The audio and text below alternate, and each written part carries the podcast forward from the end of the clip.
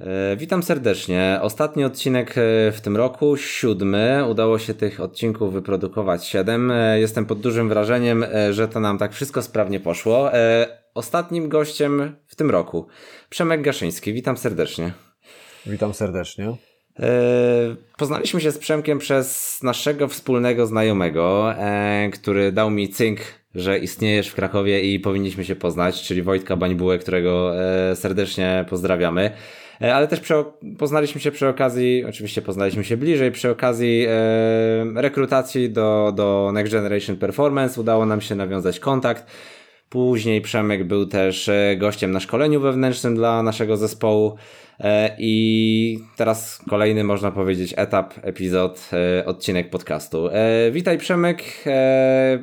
Pierwsza rzecz, o którą Cię poproszę, żebyś przedstawił się wszystkim słuchaczom tak jak poprzedni gość e, w odcinku szóstym, e, nie jesteś raczej osobą, która e, słynie z rozwiniętych kanałów mediów, na mediach społecznościowych, więc szczególnie chciałbym, żebyśmy przywiązali do tego uwagę, żeby, żebyś się przedstawił przede wszystkim.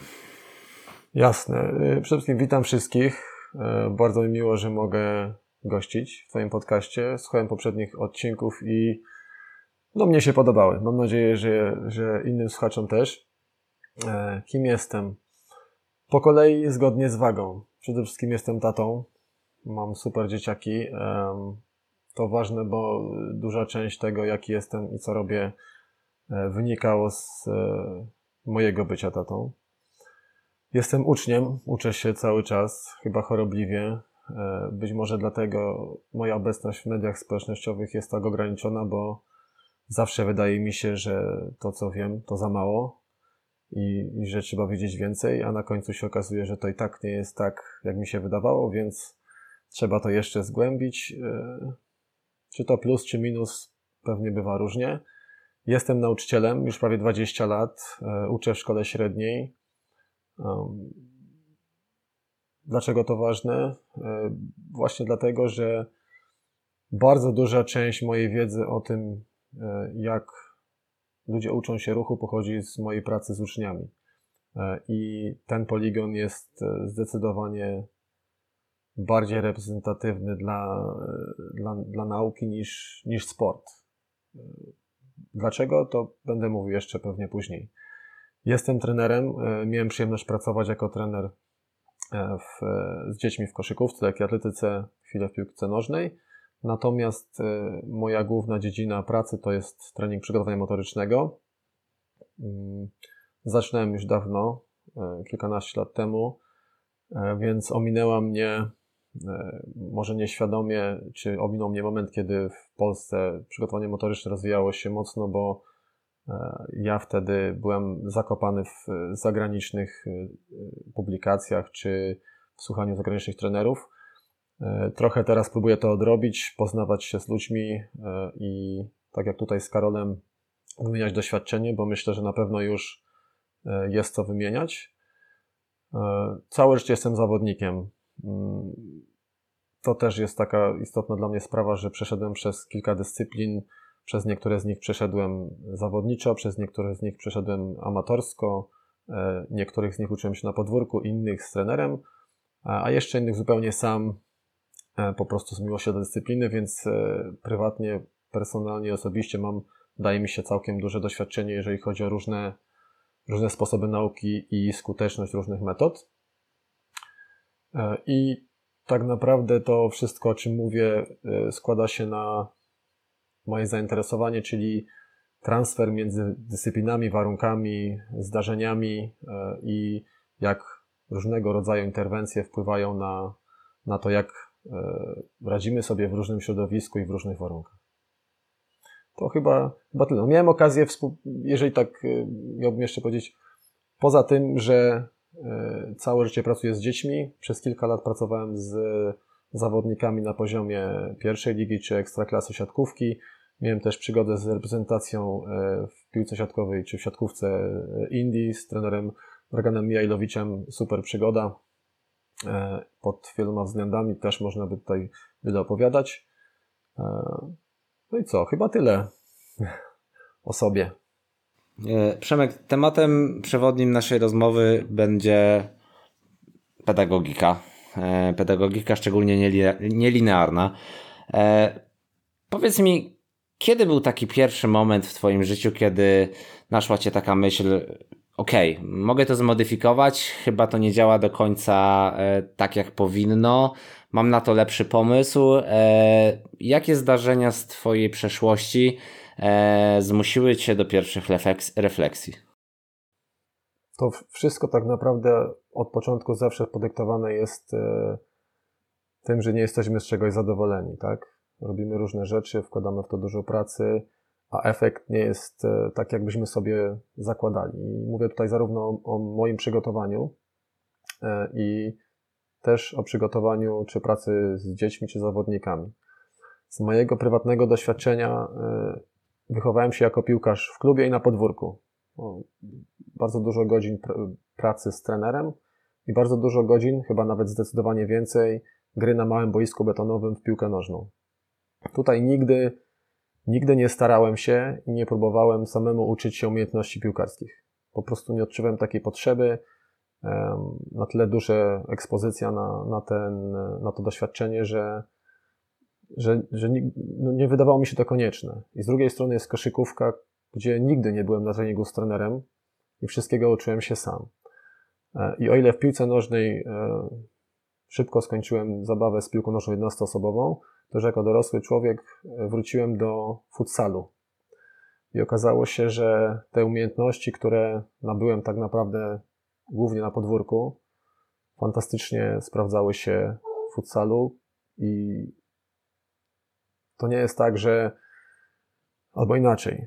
W czasach, w których miałem przyjemność bawić się w futsal, e, krakowska liga futsalu e, była najmocniejszą ligą futsalu w Polsce nie było Ligi Ogólnopolskiej, tutaj grali wszyscy reprezentanci Polski, tu naprawdę grali fantastyczni zawodnicy, do których mi bardzo daleko, ale mimo wszystko byłem w stanie gdzieś tam z nimi rywalizować, czy na jednym boisku przebywać, co już samo w sobie było dość, e, dość e, powiedziałbym spektakularne z mojego punktu widzenia.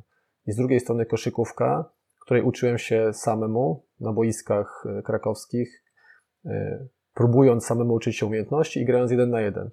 I tutaj też dostrzegłem, że to, e, gdzie miałem możliwość ekspozycji siebie na warunki gry 1 na 1, bardzo szybko e, rozwijałem się jako zawodnik, ale w grze 5 na 5 miałem duże problemy. I tak naprawdę sama nauka umiejętności czy gry na 1 na 1 nie zapewniało mi komfortu tej gry 1 na 1. I to samo dostrzegałem przez lata później pracy z dziećmi. Bardzo dbałem o to, żeby technika dzieci, z którymi pracuję, była super. Do perfekcji chcieliśmy dopracować każdy element, a mimo wszystko były, byli zawodnicy, którzy pomimo tego, że ich technika szła do przodu, na boisku byli zagubieni, nieobecni, e, nie byli w stanie realizować założeń, nie czuli się dobrze, tak? E, dla mnie ta skuteczność była na tyle niska, ilość osób, które było w stanie wypracować wysoki poziom tymi metodami była na tyle niska, e, że no, byłem po prostu niezadowolony. Niezadowolony z siebie, z procesu. Pomimo tego, że nawet udało się wygrywać, to udało się wygrywać dzięki tym, którzy przetrwali. Ale bardzo wielu tego procesu nie przetrwało. I jak tak się zastanowić, e, to no musimy sobie zadać pytanie, jaka jest skuteczność systemu w realizacji zadań, tak? Jak patrzymy na sport profesjonalny, jak wielu zawodników wychowujemy na wysokim poziomie. No ja bym zadał pytanie, jeżeli na przykład weźmiemy tysiąc dzieci i poddamy je treningowi sprinterskiemu, ile z tych dzieci, ile z tych dzieci powinno biegać poniżej 10-2? Tak? Czy my jesteśmy w stanie założyć, że tym tysiącu jest na tyle dużo talentu, do tego nawet bardzo specyficznego, do tej bardzo specyficznej rzeczy, że jesteśmy w stanie powiedzieć na pewno, ten system jest na tyle skuteczny, na tyle indywidualizuje podejście do tych dzieci, że wielu z nich osiągnie ten poziom. A jednak u nas ciężko o takie założenia e, i tak naprawdę bardzo trudno jest znaleźć miejsca, które z, z dużą dozą prawdopodobieństwa i skuteczności pozwalają na takie, na takie stwierdzenia.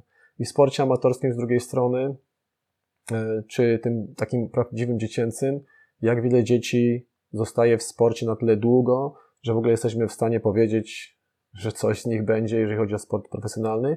I jak wiele z tych dzieci nawiązuje na tyle pozytywny związek ze sportem, że chcą w nim być nawet na amatorskim poziomie, czy takim e, towarzyskim, tak? Gdzie ten sport jest wykorzystywany w innych celach niż, niż zawodniczy. I tutaj nie wyglądamy dobrze. No ja powiedział, że nawet bardzo kiepsko. I to wszystko tak naprawdę może nie skłoniło mnie do poszukiwań, ale to mm, złapałem w pewnym momencie e, zainteresowanie złożonymi systemami. To zupełnie z innej beczki um, i przez systemy złożone, poprzez e, dynamikę ekologiczną i tak dalej, dotarłem do, do pedagogiki linearnej, e, w którą jak się zgłębiłem, to była w stanie dać mi odpowiedzi na pytanie, na które wcześniej nie byłem w stanie znaleźć odpowiedzi i co wywoływało, mnie, wywoływało we mnie wielką frustrację. No na dzisiaj tej frustracji już dawno nie ma. Nie mówię, że moja skuteczność jest jakaś z innego świata, e, ale dzieci są zadowolone. Te dzieci, które wcześniej odpadały, z którymi pracuję, e, cieszą się byciem na boisku, wierzą w siebie, e, emocje pozytywne i ich odczucia są zupełnie inne, więc no na tą chwilę wydaje mi się, że idę w dobrą hmm. stronę. To w takim razie nawiążę do tego jednego z ostatnich zdań, ale też do Twojej aktualnej pracy w szkole średniej. E, kiedy tak naprawdę, Twoim zdaniem, możemy mm, kategoryzować zawodników ze względu na poziom sportowy? Kiedy, kiedy kończy się ta taryfa ulgowa? Kiedy powinniśmy profesjonalizować to podejście i czasami niestety odrzucać poszczególne jednostki, ale z drugiej strony też doinwestowywać te, które najbardziej się wyróżniają? Z Twojego doświadczenia, kiedy możemy odpalić najpóźniej, mówiąc brutalnie? To znaczy, gdybym miał powiedzieć, który system będzie najskuteczniejszy, najskuteczniejszy będzie ten system, który będzie odpalał najpóźniej. Niestety, tutaj prawdopodobieństwo y, jest jakby odwrotnie proporcjonalne do czasu. Im wcześniej chcemy selekcjonować, tym więcej popełniamy błędów. I to jest jakby niezmienne na całym świecie. Bez względu na to, jakiego systemu używamy, czy używamy analizy DNA, czy nie używamy analizy DNA, czy używamy analizy dojrzewania, czy dowolne testy. Im dalej jesteśmy od, e, od momentu, w którym chcielibyśmy już zobaczyć prawdziwego zawodnika, tym mniejsza szansa, że dobrze to ocenimy. No, na tą chwilę niestety skuteczność w identyfikacji talentów w sporcie jest bardzo niska.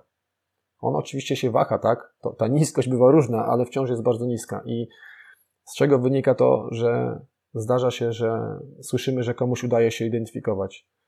Specyficzne interwencje, czyli specyficzne systemy, dają większe szanse na rozwój konkretnym typom zawodników.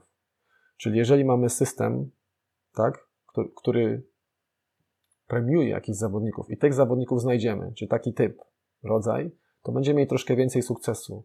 Ale tak naprawdę kluczem jest zawsze indywidualizacja i oczekiwanie, aż będziemy mogli zobaczyć efekty tej indywidualizacji. Pierwszy etap, który według mnie w ogóle daje jakiekolwiek możliwości, to jest dorastanie. Przed dorastaniem to jest ruletka. W zasadzie nie spotkałem się z systemem, który byłby w stanie to zrobić dobrze. Natomiast zawodnicy po dorastaniu ujawnia nam się znacznie więcej już takich trwałych cech albo tendencji. Natomiast wciąż problemem jest to, że przy wielu tendencjach jesteśmy w stanie odnieść sukces, jeżeli umiemy indywidualizować. Tak? Tutaj jakby ja nie twierdzę, że ja umiem zawsze indywidualizować, ale na tym polega rola systemu. Czyli jeżeli chcemy wychowywać dobrych piłkarzy, to będę lepszym systemem, jeżeli będę umiał z każdego zawodnika wyciągnąć to, co najlepsze, a nie stworzyć system, gdzie na pewno z 20, 18 odpadnie, bo oni nie pasują do systemu. I trochę mamy z tym problem w sporcie zawodowym. Według mnie, choć oczywiście to, no mówię, jest to moje prywatne zdanie i trochę obserwacja, zwłaszcza na podstawie dzieci, które zostały określone jako te talenty i które okazywały się, którym się nie udawało, tak?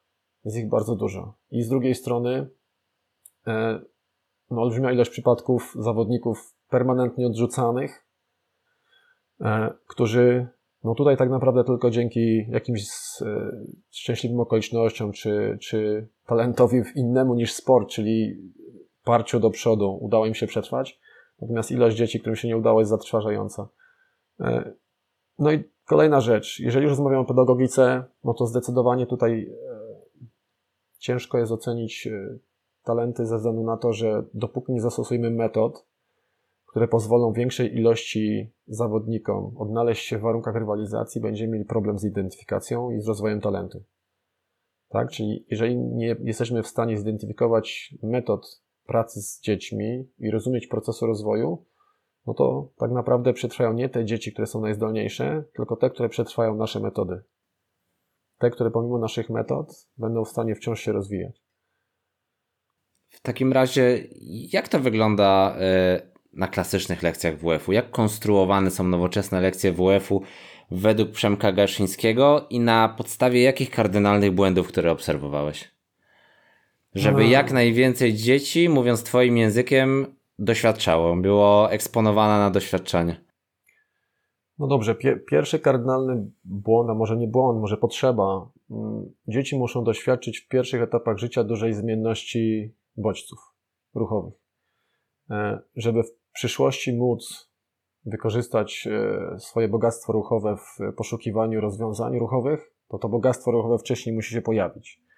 I teraz, e, jeżeli myślimy o już specyficznej ekspozycji, tak? Chcielibyśmy, żeby dziecko dobrze bawiło się w piłce nożnej, czy w koszykówce, czy w siatkówce, no to tutaj w miarę jest dla mnie jasne, jak, to, jak sobie z tym poradzić. Natomiast wcześniej dziecko musi się bawić. Musi się bawić rzeczami, które są w miarę dla nas naturalne, tak? Czyli jeżeli na przykład mamy dzieci siedmioletnie, to zdecydowanie lepiej jest, jak bawią się w berka, niż jak biegają między pachołkami, prawda? Bo nie dość, że to dziecko uczy się w zmiennych warunkach szukać już rozwiązań prostych, to jeszcze w oparciu o informacje, które później będą charakterystyczne dla, dla sportu.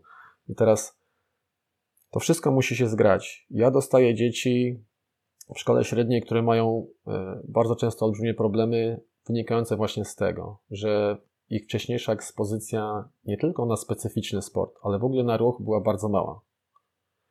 E, ich bogactwo ruchowe nie jest duże. Ciało, bez względu na to, czy my je wystawimy na jakiekolwiek e, problemy, ono będzie dążyć do rozwoju. Tak? Będzie poszukiwało tego, będzie chciało być bogate. Natomiast bez bodźca to bogactwo nigdy nie jest pełne.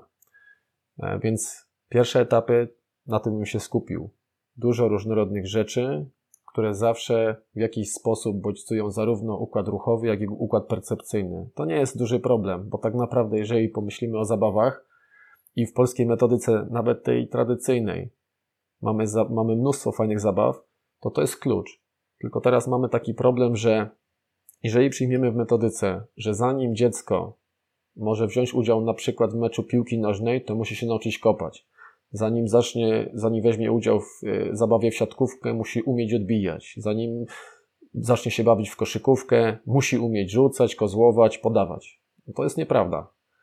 Bo teraz, jeżeli my przyjmiemy takie, takie granice i przyjmiemy taki punkt zwrotny, to bardzo wiele dzieci zamiast doświadczać gry, czy doświadczać już tej nawet uproszczonej złożoności, cały czas tkwi w ruchu, który jest zupełnie oderwany od od tego środowiska. Zdekontekstualizowany. Zdecydowanie. I tak naprawdę, po pierwsze, to dziecko nie widzi potrzeby, żeby ten ruch był celowy. Tak? To już jest naprawdę olbrzymia praca, żeby sprawić, że dziecko, które odbija piłkę, po prostu odbija piłkę, widziało w tym celowość. Tak? A brak celowości, no tutaj będzie olbrzymim kłopotem z punktu widzenia później warunków nauki. Tak? To o tych warunkach nauki jeszcze będziemy mówić, ale ale jest jeden z warunków, nauki, że ktoś musi być zaangażowany w proces, a żeby być zaangażowany w proces, to tak naprawdę musi widzieć cel. Musi widzieć, to musi być dla niego ważne, tak? Musi być powód, że to jest dla niego ważne. Więc abstrahując od całej później pedagogiki, jak my skonstruujemy zadanie, to mamy jakiś warunek, który musimy spełnić. Teraz my wykonujemy mnóstwo ćwiczeń, w których te warunki nie są spełnione. E, do tego jeszcze odrywamy percepcję od działania, co jest później kluczowe w tym, że dziecko wchodząc na boisko no, czuje się zagubione. Tak? I mamy teraz takie mm, zapętlenie. Czuje się zagubione, więc trzeba robić więcej fundamentów. Robimy więcej fundamentów, ono wciąż jest zagubione. Dochodzimy do wniosku, że to dziecko po prostu sobie nie radzi. Być może to nie jest jego dyscyplina, być może nie ma talentu. Ale moje doświadczenie jest takie, że jeżeli ja w liceum dostaję dzieci, których umiejętność na przykład gry w siatkówkę czy w piłkę nożną powiedziałbym, że jest zero tak? Czyli to dziecko nie ma żadnych umiejętności, nawet poza kontekstem, tak? Nie potrafi odbić piłki w jakimś celu, w kierunku, nie umie tego robić. Na boisku te dzieci są zagubione, oderwane, nie czują się tam na swoim miejscu. I wciąż jesteśmy w stanie w ciągu pół roku zabawy z e, kontekstem sprawić, że to dziecko na boisku czuje się szczęśliwe. A to już jest warunek jego nauki, bo teraz on widzi powód, żeby pracować nad tym, nad czym pracujemy. Widzi powód, żeby pracować nad skutecznością swojego odbicia w grze. Widzi powód pracy nad, no nie wiem, skuteczności przyjęcia w grze, bo to wszystko sprawia mu później radość. On już wie, że to jest, że to jest coś, co, co daje szczęście i, i po to potem jest na boisku. Dzisiaj miałem taką lekcję. Miałem zastępstwo z klasą, pierwsza klasa, chcieli grać w siatkówkę, grają w siatkówkę, zero gry. Zero gry. Normalna sprawa, tak? E, zapytałem, czy chcą, jakby jaki jest ich poziom radości w tej grze. I tak ich dopytywałem, że wyszło, że średnio około 3 na 10. Tak? 3 na 10 gramy w siatkówkę. Jaka jest idea? Po co to robić, tak? I teraz można pójść w dwie strony. Widocznie siatkówka nie jest ich zabawą, lub siąść, porozmawiać. Porozmawialiśmy chwilę, co jest problemem. Oni mi odpowiedzieli o swoich odczuciach, ja o swoich e, odczuciach, powiedzieli mi, czego, mi braku, czego brakuje mi, czego im brakuje. I tak naprawdę wystarczyła rozmowa, żeby oni spróbowali. Spróbowali zagrać. I potem ich zapytałem po lekcji, jaka była radość. Większość z nich powiedziała, że więcej niż siedem. Wystarczyła rozmowa, która uświadomiła im dlaczego, im, dlaczego im tak trudno się odnaleźć na boisku. I wiele rzeczy się udało, pomimo tego, że nie dotknęliśmy nawet jeszcze treningu, nie dotknęliśmy nawet treningu umiejętności, tak? ale już zmieniliśmy nastawienie. Weszli na boisko z innym celem, e, z potrzebą, z zaangażowaniem, tak? No to spełniliśmy jakiś warunek, że w ogóle nauka mogła zaistnieć. Kolejna rzecz, zabawa jako dodatek. My traktujemy w edukacji zabawę jako coś dodatkowego, co może być, ale tak naprawdę często przeszkadza, bo przeszkadza w takim prawdziwym, żołnierskim nauczaniu umiejętności. Prawda jest taka, że dla dzieci zabawa to jest, e, to, jest to, co jest naj, najistotniejsze. Zabawa jest mostem e, między nami, dorosłymi, a umiejętnościami dla nich. Oni w tej zabawie odnajdują sens. Oni w tej zabawie łączą się z umiejętnościami poprzez emocje. E, I teraz, jeżeli my jesteśmy w stanie wprowadzić zabawę do nauki umiejętności, to wygrywamy podwójnie.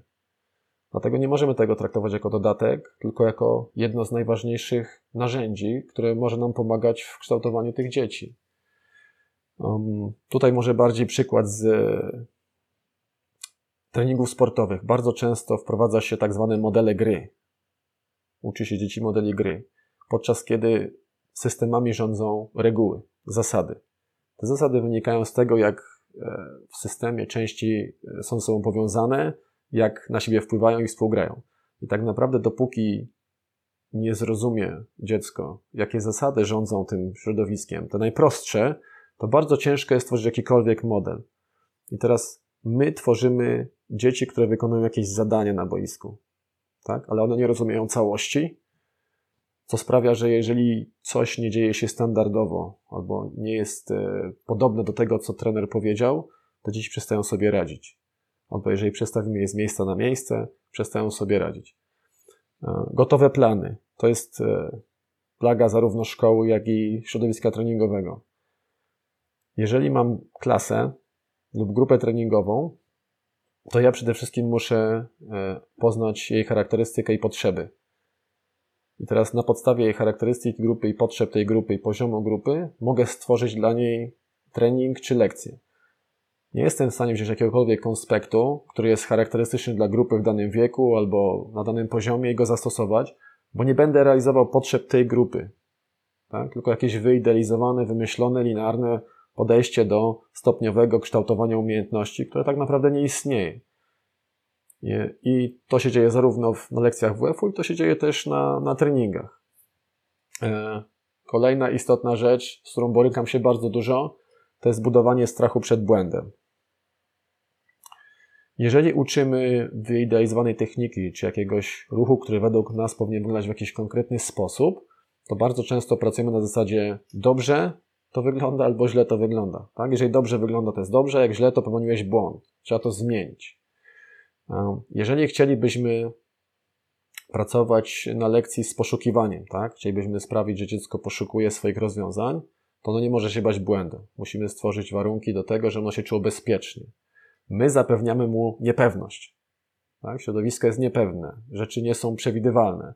I w takim środowisku nieprzewidywalnym i niepewnym, żeby próbować nowych rzeczy, to musisz czuć bezpiecznie. Tak? Nie mogę się wstydzić, nie mogę się bać, że trener mnie ochrzani. Tak? Bo jeżeli trener mnie ochrzani, to ja wracam do starego rozwiązania, które jest stabilne, może nie jest idealne, ale czuję się w nim bezpiecznie. Najprostsze, najmniej niebezpieczne, najmniej ryzykowne. Ale dobrze wiemy, żeby zawodnik mógł się rozwijać, no musi trochę poszukiwać, no nawet nie trochę, musi poszukiwać, musi podejmować ryzyko. I teraz, żeby on podejmował ryzyko, nie może się bać błędu. Mm. Brak aktywności kierowanej przez młodych ludzi. My, jako dorośli, zawłaszczamy sobie wszystko, co wiąże się z dziećmi. Tak? Uzurpujemy sobie prawo do tego, że my zawsze wiemy lepiej, czego potrzebuje dziecko, niż ono. E, tworzymy plany, kontrolujemy, jak to wygląda, kontrolujemy przebieg, analizujemy rezultaty. No ale jeżeli sobie przypomnimy, przynajmniej jak sobie przypominam, kiedy miałem kilka, kilkanaście lat, to większą część dnia spędzaliśmy na podwórku. Nie było żadnej kontroli. Mogliśmy robić co chcieliśmy, sami się regulowaliśmy, sami planowaliśmy aktywności, sami je prowadziliśmy. Były kłótnie, godziliśmy się, kłóciliśmy się znowu, walczyliśmy, byliśmy kolegami, za chwilę wrogami, e, graliśmy w piłkę, jak nam się znudziło to w kosza, w piłkę 5 na 5, a może 1 na 1, jak nie, to w stare kwadraty. Bawiliśmy się w berka. Nie było dorosłych.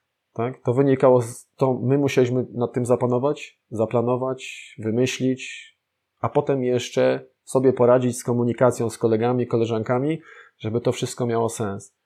I dzisiaj tego prawie nie ma.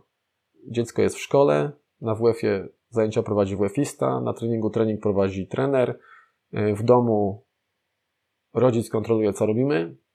I tak naprawdę tej, ten brak aktywności własnej czy kontroli nad środowiskiem to jest też duży, duża rzecz, której dzieciom na pewno brakuje. I ostatnia e, taka rzecz, która mm, mnie się wydaje, że jest dość istotna, to jest jednostronna komunikacja. Trenerzy i nauczyciele mają tendencję do bycia alfą i omegą. Ja zawsze wiem na tyle dużo, że ja ci powiem, jak to ma wyglądać, ja ci powiem, co musisz wiedzieć, i jak ja ci powiem, ty będziesz wiedzieć i będziesz to robić i wszystko będzie działać. E, a prawda jest taka, że żeby proces nauki miał, e, był skuteczny, to ta komunikacja musi być nie tylko dwustronna, ale przede wszystkim trener i nauczyciel musi umieć słuchać, żeby dostrzegać, e, jak ten proces przebiega i czego w tym procesie potrzebuje dziecko, to musimy go wysłuchać. Nie tylko musimy wysłuchać, co, co świadomie nam mówi, czego potrzebuje, ale musimy słuchać, żeby dostrzegać jego emocje, żeby próbować znaleźć właśnie jego obawy e, i w jakikolwiek sposób móc zaprojektować środowisko tak, żeby to środowisko e, mu pomogło się rozwinąć. Ale przy jednostronnej komunikacji, no według mnie nie jest to możliwe. I teraz jak wrócę do początku pytania, jak ja projektuję czy planuję zajęcia z WF-u. Najważniejsze jest to, że przede wszystkim określam poziom grupy i czego potrzebuję. Tak? Jeżeli chciałbym, żeby ta grupa mogła za chwilę cieszyć się zabawą w piłkę nożną, czy w koszykówkę, czy w siatkówkę, to wchodzę dokładnie z tym, co mnie się wydaje, że potrzebują, e, czyli z takim poziomem złożoności, reprezentatywności czy trudności, z którą już sobie radzą, ale jeszcze nie do końca. Tak? Czyli już są w stanie realizować pewne rzeczy, ale jeszcze po, po, pojawiają się błędy. I teraz jak prowadzę lekcje, to zawsze staram się iść od mniej złożonych rzeczy do bardziej złożonych e, i w kierunku pełnej reprezentatywności, tak? Czyli na początku ćwiczenie, w którym pracujemy nad jakimś jednym, jednym problemem, e, potem nad małą grą, gdzie e, staram się tak zaplanować małą grę, żeby tego problemu było więcej, ale był pomieszany jeszcze z innym, a na końcu większa gra, choć wciąż unikam dużych gier, bo tak naprawdę dla dzieci, które mają niskie umiejętności, duże gry są irracjonalne, niewiele wnoszą. E, częstość zdarzeń, doświadczeń jest tak mała, że, że osoba, która jest e, słabsza, po prostu ginie w tej grze i niewiele się uczy. No i to jest taki mój sposób. E, staram się mieć wszędzie zabawę, rywalizację, czy jakiś bodziec, który wprowadza emocje pozytywne, staram się ciągle modyfikować e, aktywności, czyli jeżeli zaplanię jakąś aktywność, ale w tej aktywności nie widzę tego poszukiwania z jakiegoś powodu, to ją modyfikuję. Tak? Albo rozmawiam z uczniami, dlaczego jej nie ma i modyfikujemy razem. Jeżeli nam się udaje, no to te efekty automatycznie e, idą do, do przodu. I kolejna rzecz, no bardzo łatwo jest też e, modyfikować trudność dla uczniów przez dobór przeciwnika. Jeżeli ja mam zawodnika piłki nożnej na lekcji, tak, i mam za, zabawę jeden na jeden, to jeżeli go ustawię z e, chłopakiem, który nigdy nie kopał w piłkę i tak naprawdę pierwszy raz tutaj świadomie to robi, to zupełnie nie ma to sensu, tak, bo ani ten zawodnik piłki nożnej nie będzie się uczył, ani ten chłopak, który się na razie jeszcze nie odnajduje. Ale jeżeli ich wszystkich dobrze poparuje, gdzie te strefy e, zaawansowania są w miarę podobne w tych grupach, to ten rozwój zawsze idzie do przodu. I nawet jeżeli on w czasie ćwiczenia, ten słabszy chłopiec, czy mniej doświadczony, nie ma okazji sparować się z tym lepszym, ale dzięki koledze, który jest na podobnym poziomie, przesunie się do góry, czyli coś, czegoś się nauczy, to on potem w grze i tak lepiej radzi sobie z tym lepszym chłopcem, niż radził sobie wcześniej. I to jest jakby istota. E, moja zasada jest taka, że największą część aktywności uczeń powinien spędzać z uczniami czy zawodnikami na podobnym poziomie. Trochę ze słabszymi i trochę z mocniejszymi. I ten blend daje nam, czy mi według mnie, e, najlepsze rezultaty. E, jak zawsze w naszych rozmowach, Przemek, odpowiedziałeś z góry na trzy pytania, które miałem przygotowane albo w głowie, albo teraz na tablecie mm, wcześniej, e, wcześniej przygotowując pytania do ciebie, ale naradzają, narodziły mi się nowe i zamierzam je zadać. Kiedy, jakby zmienimy kompletnie pole mhm. widzenia i, i popatrzmy na trenerów. Czy to trenerów personalnych, czy nauczycieli WF-u, czy trenerów, nazwijmy to high performance. Kiedy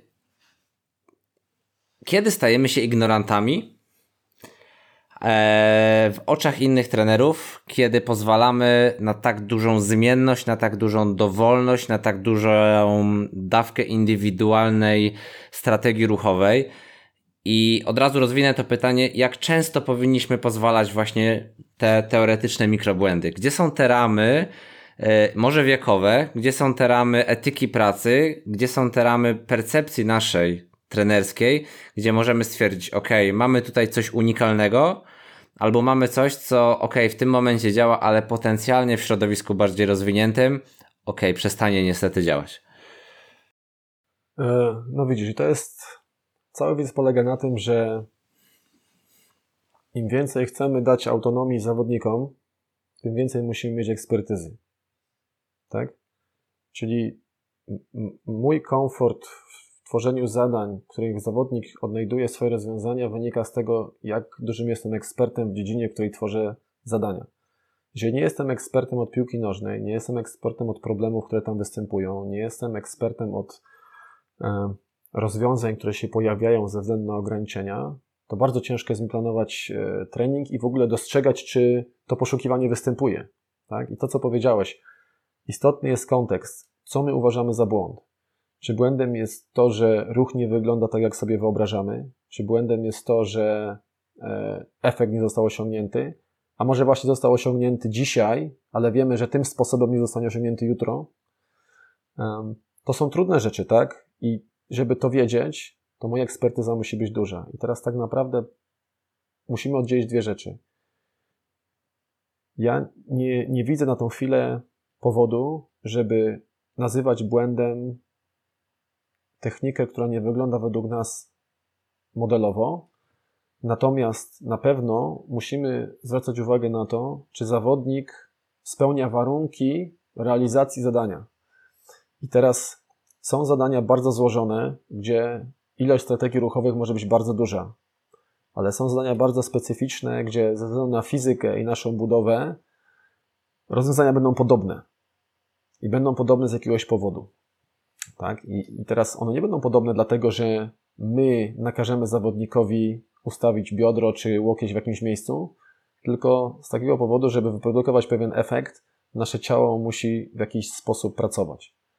E, no na przykład, jeżeli chcielibyśmy wziąć na tapetę sprint, jest bardzo niewiele strategii ruchowych, które pozwalają osiągnąć sztywność e, połączoną z elastycznością która daje bardzo krótki kontakt czasu z podłożem. Takich strategii nie jest dużo. Tak naprawdę e, im bliżej jesteśmy tego minimal sprintu, tak, tego minimalnego czasu, tym bardziej e, pozycja będzie podobna do wszystkich innych, którzy to robią. E, zakresy różnic będą, będą minimalne. I, I tak to wygląda. Im bardziej jest ruch złożony, tym tych rozwiązań będzie więcej. Kiedy, kiedy mamy po, pozwalać na mikrobłędy? Um, tak naprawdę wszystko, co robimy, jest ograniczeniem. Tak? Możemy zrobić takie ograniczenia, że nie odzwiemy się słowem i nasze słowa mogą być ograniczenie. I w tych ograniczeniach zawodnik będzie próbował odnaleźć rozwiązanie. Um, teraz, jeżeli chcemy, żeby w jakimś środowisku rozwiązanie było skuteczne, to musimy stopniowo doprowadzić do tego, że ten zawodnik będzie sobie musiał poradzić w tych warunkach wielokrotnie, chociażby treningowych. Czyli jeżeli my dzisiaj wymyślamy ograniczenia, w których zawodnik ma rozwiązanie, które nie będzie funkcjonować w przyszłości, to jeszcze nie jest problem. Problem jest, problem jest pojawia się wtedy, kiedy my nie proponujemy mu dalszej drogi. Tak? Czyli nie, nie stwarzamy warunków, żeby to rozwiązanie się zdestabilizowało i żeby poszukał nowego, który będzie bardziej funkcjonalny w nowym środowisku. Jeżeli ja narzucę mu rozwiązanie, które nie jest konieczne, bo środowisko tego nie wymaga, to będzie sztuczne. Tak? To będzie usztywnione y, i tak naprawdę, czy to będzie funkcjonalne? Być może u jednych tak, u innych nie, ciężko jest mi powiedzieć, ale na pewno y, nie, nie będzie to wynikało z samoorganizacji, która daje nam największe szanse na, na to, że coś się pojawi, kiedy będą ograniczenia czasu, przestrzeni, nie będzie dostępu do, do tego, żeby można było coś przemyśleć, coś przeanalizować i czuć się komfortowo. Tak? To właśnie bardzo często y, mówimy o tym y, dławieniu się, tak? Y, kiedy pojawiają się trudne warunki. Kiedy uczymy się umiejętności, myśląc o tym, jak zachowuje się nasze ciało, to kiedy przychodzi moment największego problemu, wtedy pojawiają się te same myśli i sama organizacja ulega zaburzeniu. To teraz, jeżeli chcemy, żeby sama organizacja spłacała, e, spłacała za nas rachunki, to musimy pozwolić jej działać. Musimy sprawić, że organizm będzie mistrzem tej samoorganizacji. A będzie tylko wtedy, kiedy na nią pozwolimy. E, teraz tak, e, żeby odpowiedzieć na pytanie, kiedy na to należy pozwolić. Za chwilę pewnie będziemy jeszcze rozmawiać o etapach czy periodyzacji nabywania umiejętności. Są różne etapy w nabywaniu umiejętności. Jest e, etap, w którym przedstawiamy zawodnikowi zupełnie nowe warunki i on musi się w tych warunkach jakoś skoordynować. To zawsze wygląda źle, to jest mało skuteczne, nie wygląda dobrze, ale ten etap jest konieczny, żeby ciało mogło odnajdować drogę. Potem musimy zawodnikowi dać czas, żeby on te rozwiązania, czy te e, tendencje koordynacyjne, które się pojawiły, żeby on zaadaptował do tych warunków. Tak? Będziemy ostrzyć siekierę a na końcu jest ten e, moment performance. Tam już nie chcemy błędów, tak? Ale musimy mieć pewność, że kiedy ktoś wchodzi w moment performance, czy, czy, czy już rywalizacji, że te rozwiązania są na tyle już wypracowane i skuteczne, że one po prostu działają. I teraz zawodnik już nie będzie poszukiwał nowych dróg. Będzie używał tych rozwiązań, które się sprawdziły, w środowisku, w którym mógł tego próbować. No i myślę, że na, należy tutaj jeszcze wspomnieć o czymś, co nazywamy wizualizacją, która ewidentnie skróci ten pierwszy etap, bo jeżeli mamy, zawo mamy zawodnika, który gdzieś tam jest e, cały czas obserwatorem tych wszystkich rozwiązań ruchowych u innych dzieci zawodników, no to zdecydowanie będzie miał handicap początkowy, prawda? Zdecy zdecydowanie. To, to nie jest tak, że, że my zamykamy oczy i ruch się dzieje, tak? Wszystkie nasze doświadczenia, wszystkie nasze zmysły e, i tak samo nasze myśli, tak, to wszystko wpływa na to, jak organizuje się ruch. Wszystko jest naszym ograniczeniem w takim znaczeniu, że kształtuje ruch, tak. E, jednym z metod nauki jest też patrzenie. Jeden z patrzenia wynosi więcej, inny mniej, ale jest to jak najbardziej element i wyobrażenia, tak, czyli nasz drugi świat tak naprawdę, ja tak nazywam, to, co się dzieje w naszej głowie, to jest nasz drugi świat, druga rzeczywistość. To jest też środowisko. To jest środowisko, które w bardzo dużym stopniu jest w stanie odwzorować warunki środowiska zewnętrznego. I są zawodnicy, którzy ćwiczą bez kontekstu, pozornie, ale są w stanie w swojej świadomości stworzyć podobne warunki. I dla nich ten trening bez kontekstu będzie skuteczny, ale dla osoby, która nie potrafi stworzyć tych warunków, będzie zupełnie bezsensowny. I tutaj też musimy rozgraniczyć tą umiejętność stworzenia sobie odpowiednich warunków, i to też jest edukacja e, pewnego mechanizmu, który potem nam służy przez lata. Tak? A jeszcze wrócę do tej poprzedniej rzeczy, zanim gdzieś tam płynnie z tego uciekniemy. Kiedy jest według Ciebie, kiedy na, jaki jest prawidłowy timing komend w edukacji motorycznej, jeżeli chodzi o detekcję błędu, o pewnym, pewnego rodzaju retrospekcję do danych zdarzeń, które wydarzyły się parę, paręnaście minut temu. Krótki guideline dla, dla, dla trenerów od Przemka Gaszyńskiego na temat timingu tych, tych, tych, tych komend. No Wewnętrznych, tak. zewnętrznych. To nie jest łatwy temat. To nawet e, jeżeli już przez e, kilka lat pracuję metodami, e, powiedziałbym, problemowymi, tak, to wciąż gdzieś staram się znaleźć optymalne rozwiązanie dla tego, kiedy powinny się pojawiać moje słowa. Bo jeżeli jest... zakładamy z góry, że mm, dajemy większą swobodę popełnienia błędów, to znów e, myślę w kategoriach naszych słuchaczy i zadaję sobie te same pytania, które oni mogą sobie zadać. To w takim razie mhm. kiedy interweniować? Okej. Okay. Zawsze zaczynamy od tego, czy ja zaczynam od tego, że musimy mieć z zawodnikiem ustalone intencje. I dla mnie słowa przede wszystkim służą do tego. Jeżeli jestem w stanie um, wypracować model, w którym komunikacja z zawodnikiem jest na tyle dobra, że komunikujemy sobie intencje i on później umie mm, tak zarządzać uwagą, żeby te intencje próbować realizować, to już jesteśmy bardzo daleko. I z mojego doświadczenia, jeżeli dobrze komunikujemy intencje i zawodnik je rozumie, i to jest według mnie cała sztuka pracy z intencjami, e, to potem zdecydowanie mniej musimy się odzywać. Tak? Jeżeli mamy problem z zarządzaniem intencjami, automatycznie mamy problem z e, poszukiwaniem rozwiązań, bo nie dzieje się tak naprawdę to, czego potrzebujemy. I druga rzecz. No my jako eksperci to nie jest tak, że nam nie wolno podpowiedzieć. I jak będziemy pracować przez lata z zawodnikami, to znajdziemy taki dobry balans, e, ile podpowiedzi e, to jest pomoc, a ile podpowiedzi to już jest zabieranie autonomii i zabieranie czy y, ujmowanie z tego procesu. Ja staram się znaleźć zawsze takie słowa, które pozwalają poszukiwać. I to jest przede wszystkim według mnie rola feedbacku. Jeżeli moje słowa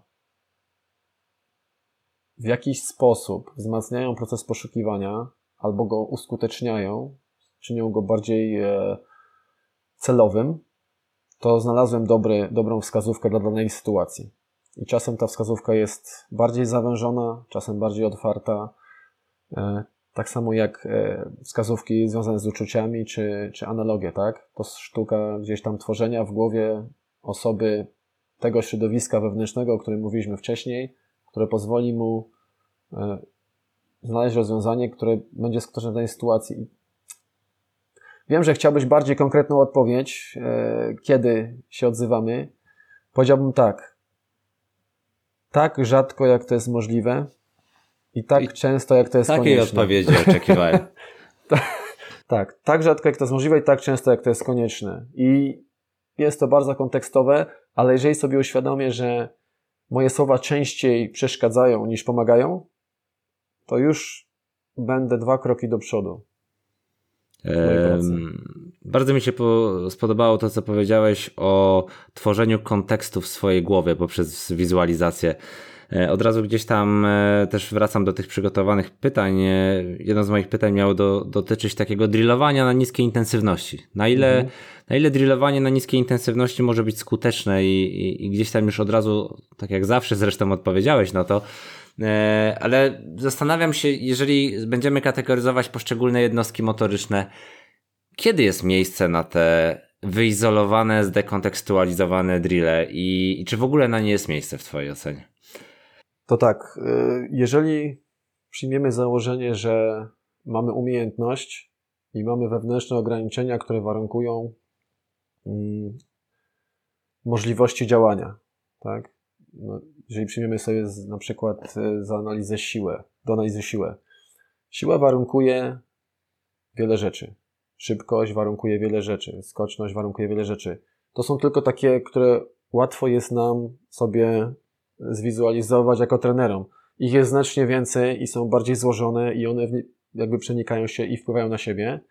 To teraz tak. Jest pewna pojemność, która pozwala nam poszukiwać na większym obszarze, e, na większym obszarze możliwości ruchu. Czyli im większe mam możliwości fizyczne, tym dostępne będzie dla mnie więcej rozwiązań, natomiast same możliwości fizyczne nie zapewniają żadnych rozwiązań. Dlatego no tu jest dość, w mojej ocenie, spolaryzowany trening.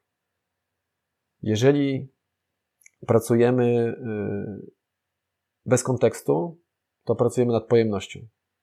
Jeżeli chcemy pracować nad umiejętnościami, kontekst musi być obecny. Czyli jak najbardziej trening bez kontekstu jest dozwolony, jest potrzebny. Oczywiście w mojej ocenie. Czy, czy, trening bez kontekstu powinien być oparty jakby na celu samym w sobie, czy bardziej na sposobie jego realizacji? Mm, no i teraz tak. Dla mnie samo organizacja występuje zawsze. Natomiast w treningu bez kontekstu bardzo często pracujemy nad czymś bardzo specyficznym, mało złożonym poprzez e, przeciążenie. Tak? Natomiast e, czy wykonujemy przysiad, czy martwy ciąg, czy skok, czy start, czy rzut piłką lekarską, wciąż doświadczamy samoorganizacji. I teraz e, na tą chwilę dość dużo badań powstaje i czy powstało, jest, jest, jest w obiegu, gdzie E, rozgraniczamy skupienie wewnętrzne od skupienia zewnętrznego, tak? I nawet analizujemy ten e, osławiony performance. Czy rzucę dalej ze skupieniem zewnętrznym, czy skoczę wyżej ze skupieniem zewnętrznym, czy w skupieniu wewnętrznym. No na tą chwilę zdecydowanie większą skuteczność e, w badaniach wykazują te elementy zewnętrzne, na których się skupiamy. Tu oczywiście są różnice, natomiast z czego to wynika? Wynika to właśnie z tego, że jeżeli skupiamy się na zewnątrz, to pozwalamy ciału organizować się tak, jak ono chce. Tak? Tak jak ono uważa, że osiągnie najlepszy rezultat. W mojej ocenie, jeżeli przejdziemy fajną progresję rozwoju ruchowego, to już nie ma problemu z tymi błędami, o których rozmawiamy. Po prostu nie, widzę powodu, żeby miały się pojawiać. Ale ze względu na to, że ciągle żyjemy w systemie mm, Zdefiniuj taki błąd. Zdefiniuj błąd, o którym mówisz, który powinien ulec e, wykluczeniu we wczesnym procesie poprzez dobór odpowiednich metod nauczania. No na przykład, e, jeżeli weźmiemy pod uwagę, e, nie wiem, przysiad, tak? Co jest błędem w przysiadzie? Dla mnie błędem w przysiadzie tak naprawdę jest tylko sytuacja, w której pomiędzy generowaniem siły w podłoże a ruchem sztangi w górę jest jakieś opóźnienie.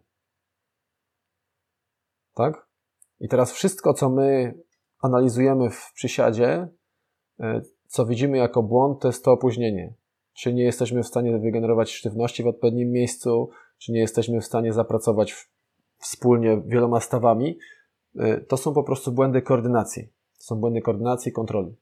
Teraz, jeżeli my w życiu pracujemy z obciążeniem które y, wymaga od nas tej sztywności, czy wymaga od nas koordynacji wielostawowej, to ten, ten problem się nie pojawi. Jak pracujemy z zawodnikami, to będzie wielu zawodników, którzy przyjdą, wezmą sztangę i zrobią przysiad. Tak? I będzie wielu takich, dla których to będzie potwornie trudne koordynacyjnie zadanie. I tutaj pytanie jest, jakby, jak różni się ich historia e, początkowa tak? Jak różni się ich nabywanie tego bogactwa ruchowego i właśnie zabawa z, z różnymi aspektami swojej, swojego ruchu, ze zmiennym obciążeniem. E, to, to jest, e, to mnie się tak wydaje. To jest moje doświadczenie, tak? Ja jestem N równa się 1 e, i tak naprawdę za mało jest dla mnie danych, żeby powiedzieć to na pewno ale kiedy pracuję z zawodnikami, czy nawet z dziećmi i uczę ich pewnych rzeczy, to nie widzę problemu pojawiających się błędów, jeżeli dobrze pracujemy intencjami i stworzymy warunki, w których są w stanie sobie z tymi intencjami poradzić. Tak? Czasem to jest problem zakresu, czasem to jest problem obciążenia, czasem inny to jest. No, tak naprawdę to wszystko zależy od osoby, która przed nami stoi. Jasne. Powiedz mi, Przemek, czy my generalnie jako środowisko trenerskie dobrze rozumiemy pojęcie powtarzalności ruchowej? Czy ruch powinien być powtarzalny, czy powinien być zrytmizowany e, mhm. i tak dalej, i tak dalej. Bo mam wrażenie, że w, gdzieś tam w obiegu, e, w mediach społecznościowych, internecie, badaniach, e, czy gdzieś takiej własnej kreatywnej twórczości często um, używamy pojęć, których do końca nie rozumiemy. Gdzieś tam na tapecie są atraktory, kalibracje, dostrajania. E, mógłbyś zdefiniować te rzeczy dla nas? No tak. E, jeżeli chodzi o samą powtarzalność, no to w takim tradycyjnym rozumieniu powtarzalność ruchowa nie istnieje. Takiej po, po, prostu nie ma. To jest nasze wyobrażenie, które nie jest zgodne z rzeczywistością. Nawet najbardziej podobne do siebie ruchy jednego zawodnika w dwóch momentach wewnętrznie różnią się. I teraz, jeżeli im bardziej zmienia się złożoność zadania, e, które przed nami stoi, tym bardziej, tym bardziej rośnie zmienność ruchu, które do niego prowadzi. I teraz, żeby jeszcze uzupełnić to, co mówię. Jeżeli analizujemy sobie najlepszych zawodników w danych dyscyplinach, to okazuje się, że najlepsi zawodnicy mają największą zmienność ruchu, ale najmniejszą zmienność rezultatów. Czyli są w stanie wygenerować te same rezultaty różnymi rozwiązaniami. To ma jakby wiele implikacji. E, po pierwsze, ta duża zmienność to jest e, powiązana z, bezpośrednio z adaptowalnością. Jesteśmy w stanie poradzić sobie w warunkach, które są zmienne. Mogą, to mogą być małe zmiany, to mogą być duże zmiany, ale one ciągle są nieprzewidywalnością. I druga rzecz, jesteśmy mniej wrażliwi na przeciążenie. Jeżeli ruch jest zmienny, to nie rzeźbimy cały czas jednej struktury w ten sam sposób, tylko pozwalamy wielu strukturom wykonywać pracę i przez to ten wysiłek jest rozłożony. To też według mnie jest e, przyczyna wielu urazów poprzez poprzedniego systemu. E, jeżeli my wewnętrznie. E, Wprowadzamy pewną monotonię, prawda? Tak, dokładnie. Wprowadzamy monotonię ruchu, bardzo dobre słowo, żeby to określić. To tak naprawdę ciało chciałoby coś zmieniać, ale mu nie pozwalamy. I doprowadzamy do sytuacji, w której jedna struktura jest bardzo silna, ale często przeciążona, ale struktury dookoła są bardzo słabe. No tak, ale to są bardzo proste przykłady. Maratończyka, który uszkodził kość piętową i będzie biegł dalej przez przedostopie, bo po prostu tak, jest to jego tak. naturalna zmienność ruchowa przy bólu, tak. prawda? Jak najbardziej, jak najbardziej. E, no i teraz tak, jeżeli mówimy o sporcie, to jest bardzo prosta, prosta recepta. Nas interesuje rezultat. Oczywiście wychowanie zawodnika, który jest tak adaptowalny i zmienny w ruchu, ale stabilny w rezultatach, nie jest proste. Ale jeżeli wiemy, że to jest model, do którego dążymy, tak, troszkę zmienia się nasze podejście do tego, jak to osiągnąć. E, przestajemy być e, zakładnikami jakiegoś ruchu. Natomiast to nie jest tak, jak powiedziałem wcześniej, że ruchy różnią się w tych samych warunkach diametralnie. Żeby przeskoczyć pewne granice możliwości ludzkich, e, organizm ludzki często musi stworzyć określone warunki, bo pracuje w tych samych ograniczeniach fizycznych co inny organizm. I teraz e, warunki mogą się nieznacznie różnić, ale żeby osiągnąć pewne rzeczy, no tak jak powiedziałem z tą sztywnością w sprincie, tak? Po prostu musimy się nauczyć, jak w określonym momencie e, wypracować takie napięcie mięśniowe skoordynowane w całym ciele, żeby ono było wystarczająco sztywne i do tego wystarczająco elastyczne, żeby później czas w powietrzu był dłuższy, a czas na ziemi był krótszy, tak? I teraz no, nie znajdziemy wielu rozwiązań. Po prostu musimy stopniowo do tego dojść. E, I to jest zarówno koordynacyjny, jak i strukturalny, prawda? Bo to nie jest tylko problem koordynacji, to jest problem możliwości. E, I teraz, jeżeli chodzi o powtarzalność, dochodzimy do tego e, określenia, które bardzo często krąży w, w sieci czy wśród trenerów atraktory. Czym są te, te atraktory? Z punktu widzenia systemów złożonych, atraktory to są tendencje koordynacyjne, które z jakiegoś powodu, czy z powodu ograniczeń, tak, które są, e, które otaczają ten, ten system, prowadzą do osiągnięcia rezultatu. I teraz, e, jeżeli system zaczyna e, dostrzegać, tak to nazwijmy, że dana koordynacja zbliża go do rezultatu bardziej niż inna, to będzie drążył. Faworyzował. Ten, będzie faworyzował to rozwiązanie, czy tą tendencję koordynacyjną. Teraz, jak stabilna będzie ta, ta koordynacja lub jak zmienna, będzie zależało od tego, jaka jest potrzeba. Są atraktory, które będą bardzo głębokie i stabilne, ale są atraktory, które są płytkie i bardzo łatwo y, zmieniają się na inne atraktory. Tak? To wszystko zależy od dyscypliny, złożoności, potrzeb y, i, tak naprawdę to, o czym ciągle mówimy, czyli ograniczeń, w których my musimy pracować. Um, nie wiem, co jeszcze mógłbym powiedzieć, bo to tak naprawdę do tego dążymy, że jeżeli pozwolimy ciału na samoorganizację, ale my dobrze zaprojektujemy środowisko, to pojawią się takie atraktory, jak potrzeba. W takim razie, Przemek, jakie masz, e, jakie masz spojrzenie na wprowadzanie do treningu e, takich elementów jak perturbacje? E, jeżeli, czy to nie jest trochę sztuka dla sztuki w momencie, kiedy system sam wprowadza zmienność, to dlaczego próbujemy gdzieś zewnętrznie go destabilizować w jakiś taki bardzo zdekontekstualizowany sposób, jeżeli on sam już wprowadza pewnego rodzaju zmienność ze względu na poziom zmęczenia, na, nie wiem, podłoże, środowisko i tak dalej. Czy, czy my jeszcze powinniśmy bodźcować cało, ciało w kierunku nieprzewidywalności? Czy, jakie jest spojrzenie? Moje spojrzenie jest takie, że ja, czy mnie się wydaje, że na tą chwilę mamy za mało danych, Y, żeby powiedzieć, że to na pewno działa albo nie działa. Natomiast z mojego punktu widzenia jest tak, że to jest po prostu sposób na przeciążenie. Tak? Jeżeli y, atraktor pojawia się w odpowiedzi na perturbacje i my te perturbacje zwiększymy, tak? amplifikujemy je, to mamy nadzieję na to, że ten atraktor będzie, że będziemy w stanie go ustabilizować szybciej lub że będzie bardziej y, odporny na warunki zewnętrzne. I teraz pytanie jest, kiedy warto wprowadzić perturbację, kiedy nie?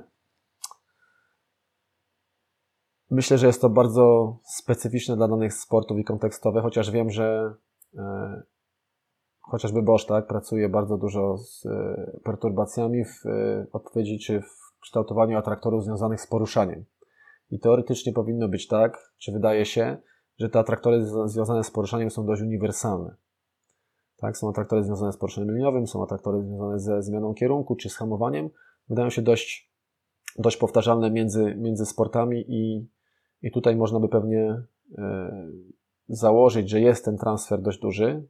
Przynajmniej na tą chwilę wydaje się, że, że to, że jego praca przyniosła mu dobre rezultaty. Natomiast nie wiem, bo ja nie mam kontaktu z trenerami, którzy pracują tą metodą bardzo dużo, a sam e, ja nie pracuję tą metodą przynajmniej na razie. Nie, nie, miałem, nie, nie czuję się na tyle kompetentny w takim podejściu, a z drugiej strony, jakby co, co dostrzegam, że da się uzyskać tą e, stabilność rozwiązania bez, bez te, tej amplifikacji, czy bez dokładania dodatkowej perturbacji, dlatego że jesteśmy w stanie sprawić to warunkami.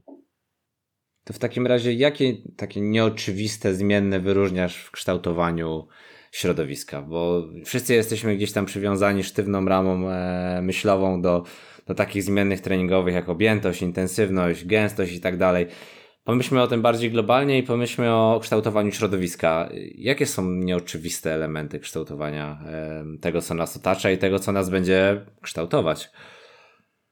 No dobrze. E, pierwsza rzecz, którą wydaje mi się, że trzeba wziąć pod uwagę, kiedy kształtujemy środowisko treningowe, to jest reprezentatywność. E, w treningu motorycznym często mówi się o specyficzności. Nie do końca według mnie jest to tożsame, natomiast e, w zrozumieniu można użyć tego jako, jako takiego stwierdzenia, które pozwala nam zrozumieć, o co chodzi. Stopień transferu aktywności E, zależy, czy umiejętności do danego e, środowiska rywalizacji zależy od tego, jak bardzo środowisko treningowe jest do niego podobne. I to jakby nie ma, e, myślę, że nikt się z tym nie będzie specjalnie kłócił, chociaż wiem, że są fani treningu bez kontekstu i nie mam im tego za złe. Sam zostałem tak wychowany. Natomiast dużo badań to potwierdza i jest to dość też intuicyjne. Myślę, że każdy, kto przeszedł dobrą drogę treningu reprezentatywnego z dobrą progresją, może to potwierdzić, czuje to. Więc ta reprezentatywność powinna być z nami jakby zawsze od początku i myślenie o niej. I dlaczego to jest takie ważne? Przez reprezentatywność, czy to podobieństwo do środowiska rywalizacji, czy poziom podobieństwa, kształtujemy e, przede wszystkim, czy dostarczamy zawodnikom odpowiednich affordancji, i teraz, czy takich możliwości działania, które są charakterystyczne dla tego środowiska. Jeżeli chcemy, żeby ktoś mm, nabył jakieś umiejętności, albo żeby jego umiejętności szlifowały się w e, sytuacjach, które, czy w sytuacjach walki, no to musimy zapewnić mu takie sytuacje e, i środowisko reprezentatywne takie sytuacje zapewni. E, przede wszystkim przez reprezentatywność też jesteśmy w stanie zapewnić zawodnikowi ciągłe połączenie specyficznej, specyficznej percepcji z działaniem, które są charakterystyczne dla środowiska rywalizacji. O tym też wcześniej nie mówiliśmy, a to jest jakby kluczowa sprawa, że jeżeli chcielibyśmy, czy chcemy, żeby zawodnik e, był skuteczny w środowisku rywalizacji, to on musi być sprawny holistycznie. Percepcyjnie, kognitywnie i ruchowo. Jeden problem, jaki do tej pory e, pojawiał się w treningu, to że wszystkie te elementy były rozdzielone. A z badań wiemy, że one muszą być razem. Tak? Percepcja, działanie i nasze myślenie, to wszystko dzieje się jednocześnie i wpływa na siebie. Jeżeli będziemy osobno ćwiczyć percepcję, co się czasem zdarza, ale z badań wynika, że jest nie, niezbyt, niespecjalnie skuteczne, osobno będziemy ćwiczyć działanie, to tak naprawdę później to działanie z tą percepcją zupełnie nie jest połączone. I musimy rozumieć, że naszym ruchem zarządza informacja. Tak? Ile bodźców do nas dociera, tak? I jesteśmy je w stanie przetworzyć. I teraz to jest właśnie kolejny, kolejny problem. Albo nie problem. E, słowo przetworzyć bardzo często niesie implikacje, które mówią, że używamy mózgu do pozyskania informacji, przetworzenia informacji i wygenerowania odpowiedzi. A prawda jest taka, że nasze ciało jest systemem, które używa mózgu w wielu celach, ale bardzo często akurat nie w tym my jesteśmy w stanie jako ciało używać informacji bezpośrednio, pozyskując ją. Czyli łączymy ruch z informacją bez analizy, bez przetwarzania, bez komputerowych e, analogii i robimy to online, co jest jakby kluczową sprawą. I teraz, jeżeli zaakceptujemy, zrozumiemy, że to łączenie e, działania z informacją dzieje się online, czyli na bieżąco, cały czas, to będzie dla nas oczywiste, że jeżeli chcemy, żeby ktoś był e, sprawny, umiejętnie e, radził sobie w jakimś środowisku, to on musi umiejętnie przede wszystkim łączyć ruch z informacją. Jego możliwości ruchowe są oczywiście ważne, tak? Jego ograniczenia są ważne, ale wciąż bez znane ograniczenia, jeżeli nie będzie w stanie połączyć sprawnie działania z informacją, nie będzie sprawny w danym środowisku. I to jest klucz. Teraz dzięki reprezentatywności my tworzymy cały czas środowisko, w którym ta informacja jest połączona z działaniem. Jak bardzo my chcemy, żeby to było reprezentatywne, to zależy od tego, jakie chcemy uzyskać rezultaty. Możemy tą, tą reprezentatywnością zarządzać. Ona może być pełna, czyli możemy wykonać trening, który jest identyczny jak zawody, ale możemy wyciągnąć jeden mały problem, który na różne sposoby będziemy, będziemy mieli z zawodnikiem, tu reprezentatywność jest znacznie mniejsza, ale informacja i działanie są charakterystyczne dla danego środowiska. Teraz ta reprezentatywność może być wysoka albo niska, ale unikamy w treningu, w którym chcemy kształtować umiejętności, braku połączenia percepcji z działaniem. Kolejna rzecz, o której e, już trochę rozmawialiśmy, to jest równowaga między stabilnością i niestabilnością. Rzeczy stabilne zapewniają nam utrzymanie pewnej struktury koordynacyjnej systemu pod wpływem perturbacji. Tak? I to jak my żyjemy w danym środowisku, to mamy bardzo wiele rozwiązań, które są stabilne w odpowiedzi na, e, na warunki, które napotykamy. Teraz sport to jest takie piękne miejsce, gdzie tworzymy te trudne warunki. Bardzo zmienne, bardzo wymagające, bardzo trudne. I teraz dzięki stabilności jesteśmy w stanie funkcjonować w tym środowisku i nie popełniać wielu błędów. Teraz niestabilność, którą my stosujemy w treningu, z drugiej strony to jest ten moment, w którym my poszukujemy. Tak? W którym staramy się znaleźć rozwiązania nowe problemy, albo inne rozwiązania, albo dopasować rozwiązanie do innego problemu, albo w danym problemie znaleźć rozwiązanie, które wygląda inaczej niż wcześniej. Tak? To jest moment, kiedy mogą pojawiać się błędy, kiedy e, nie zawsze rozwiązanie wygląda idealnie. I teraz jak my zarządzamy tą stabilnością, niestabilnością, to też wiąże się z periodyzacją umiejętności, jest dość istotne. Czasem chcemy widzieć, że coś przebiega super cały czas. Czasem akceptujemy, że to jest ten moment, kiedy chcemy pchnąć zawodnika do przodu, chcemy go wyposażyć w nowe narzędzia i tutaj ta niestabilność będzie, będzie naszym narzędziem. I tak jak tutaj powiedziałeś, e, używamy perturbacji, a jakich używamy? To tutaj pewnie kreatywność trenerów z całego świata byłaby dobrym polem do, do analizy i, i, i, i do inspiracji. No i ostatnia taka rzecz, która według mnie y, robi robotę, to jest zarządzanie poziomem złożoności informacji. Tej informacji może być bardzo dużo, może być bardzo mało i może być bardzo złożona lub bardzo prosta. W zależności od tego, jak złożona jest informacja, no to analogicznie możemy powiedzieć sobie, że rośnie trudność. Teraz jakbyśmy sobie mieli pomyśleć o cechach systemów y, i z czego wynika ta złożoność, to po pierwsze, systemy złożenia nie są linearne. Nie jesteśmy w stanie przewidzieć, jak.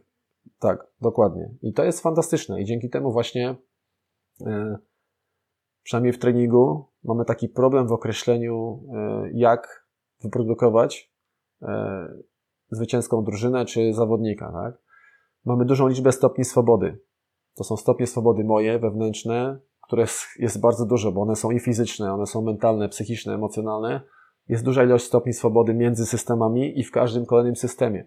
I teraz przez tę y, ilość stopni swobody, ilość informacji, tak, która przepływa, ilość energii, która przepływa przez te systemy, przez interakcje jest olbrzymia.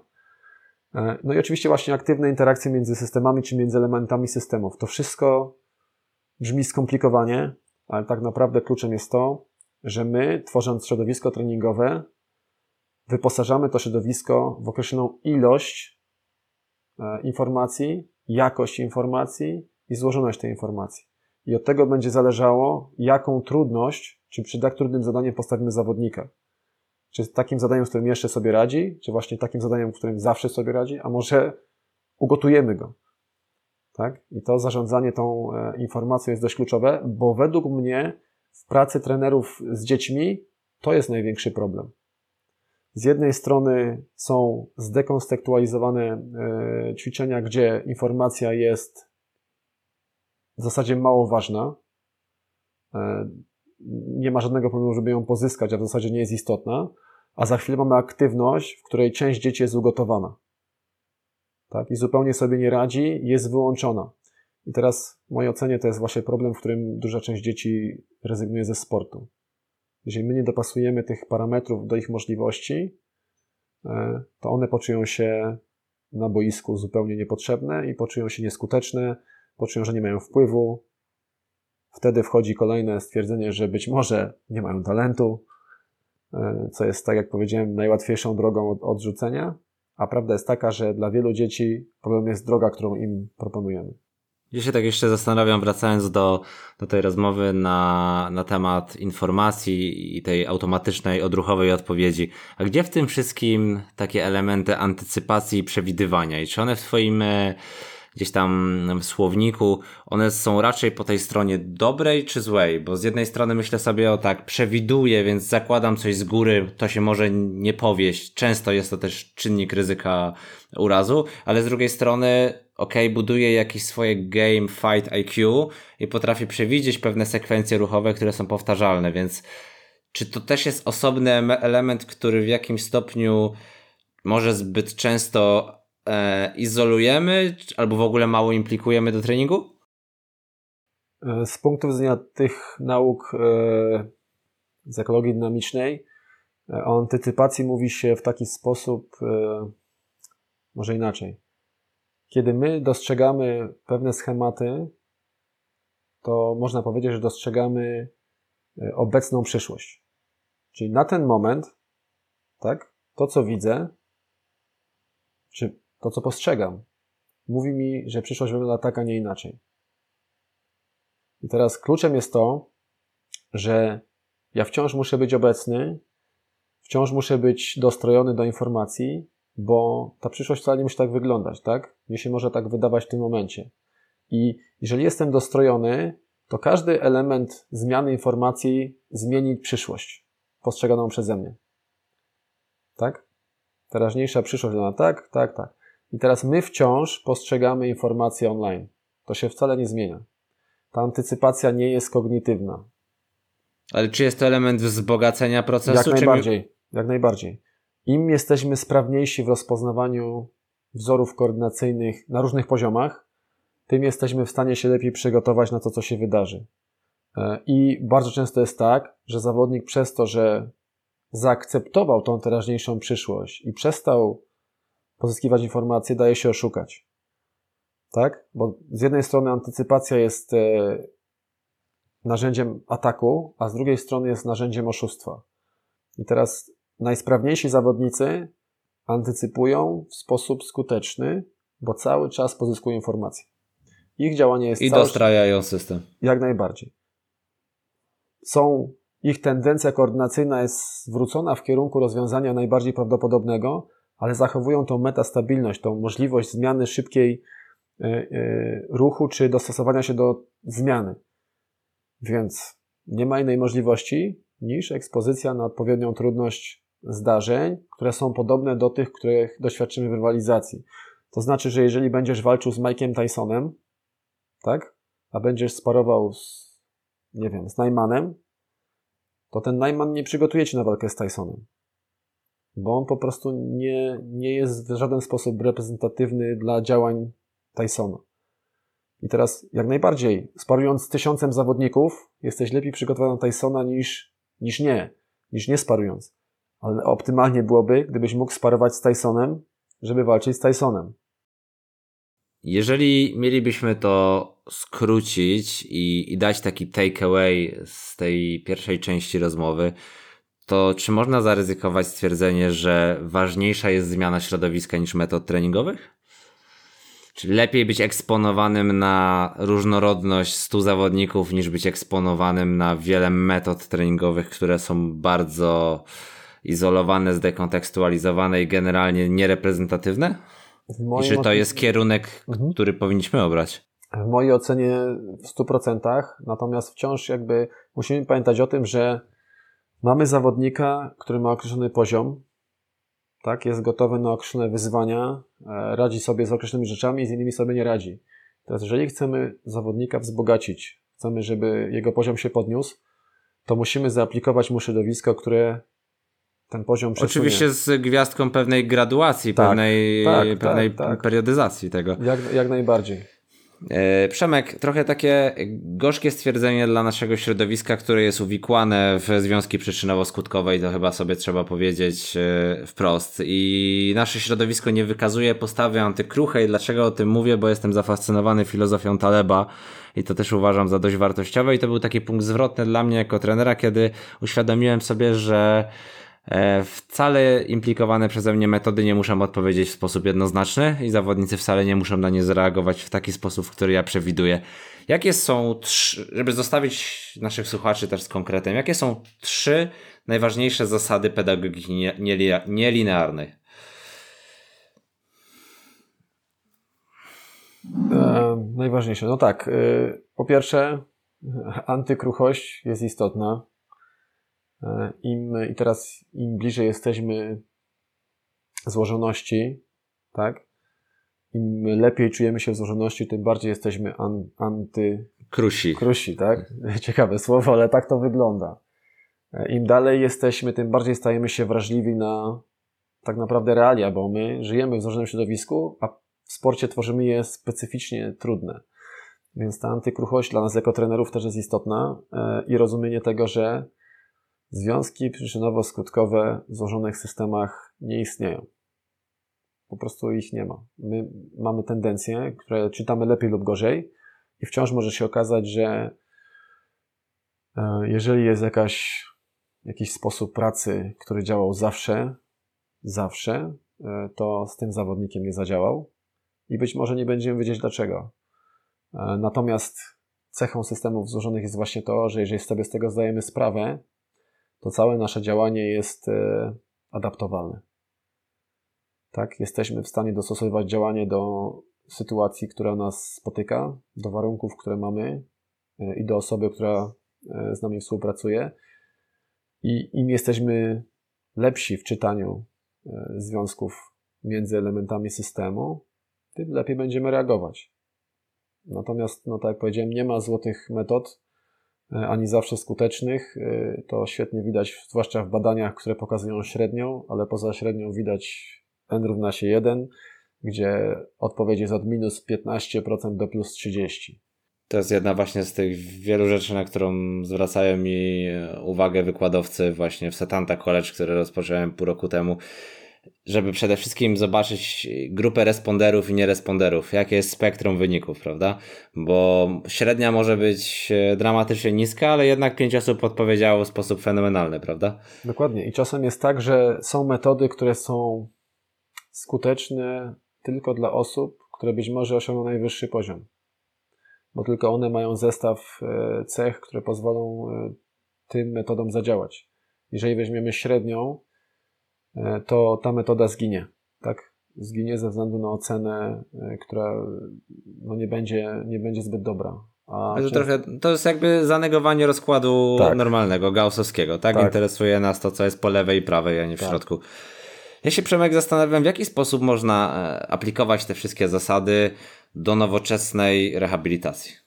Szczególnie do tych wczesnych faz. W jakie, jeżeli miałbyś podpowiedzieć coś fizjo, fizjoterapeutom, w jaki sposób kształtować środowisko wczesnej rehabilitacji, która jest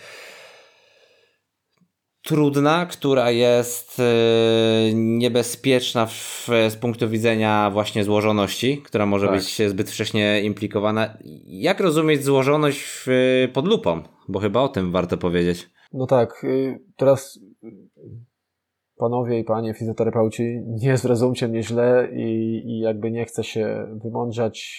Y, większość z was wykonuje fantastyczną pracę. Ja mogę tylko powiedzieć o tym, y, co widzę z punktu widzenia osoby, która ma. Odbiera pacjenta. Tak, odbiera pacjenta i ma styczność z osobą, która była poddana rehabilitacji. Pierwsze, co bym powiedział, to przygotowanie do testów to nie jest to samo, co przygotowanie do warunków i środowiska rywalizacji. Ja jakby rozumiem potrzebę testów i ich ważność, natomiast e, problem jest to, że możemy się zagubić w tym, że ja jestem w stanie przygotować kogoś do testów, nie przygotowując go do rywalizacji. To jest e, jakby to trzeba zrozumieć, że to, jest, to nie jest tożsame. E, I druga rzecz, jeżeli zrozumiemy, jak pojawiają się, czy z czego wynika to, że pojawiają się urazy, to to, o czym często zapominamy, to to, że często urazy pojawiają się dlatego, że zawodnik miał słabą kontrolę opartą na afordancjach. To znaczy, że nie potrafił dopasować działania do swoich możliwości w danych warunkach. Czemu nie potrafił tego zrobić? No tu pewnie trzeba by się zastanowić nad tym, jak trenował, ale tego nie miał. I często z tego powodu w sytuacjach trudnych zawodnik zachowuje się nieadekwatnie do możliwości swojego ciała.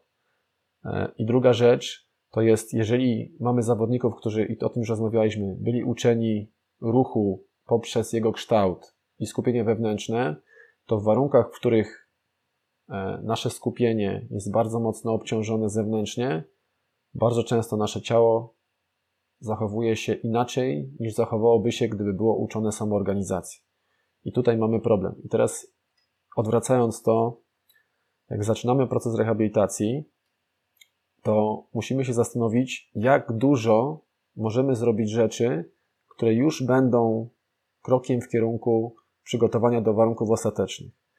Po pierwsze, na pewno musimy przygotować zawodnika pod względem e, ograniczeń wewnętrznych. I to rehabilitanci według mnie e, idą w dobrą stronę, tak? Rozumieją, że trzeba przygotować tkanki, trzeba przygotować struktury, trzeba przygotować pewne e, nawet e, tendencje koordynacyjne, Natomiast bardzo rzadko wprowadzają periodyzację złożoności na wystarczająco dużym poziomie, żeby zawodnik, kiedy kończy rehabilitację, był gotowy, żeby wrócić do treningu zbliżonego do treningu, którego już musi doświadczyć na boisku czy, czy w klatce, tak?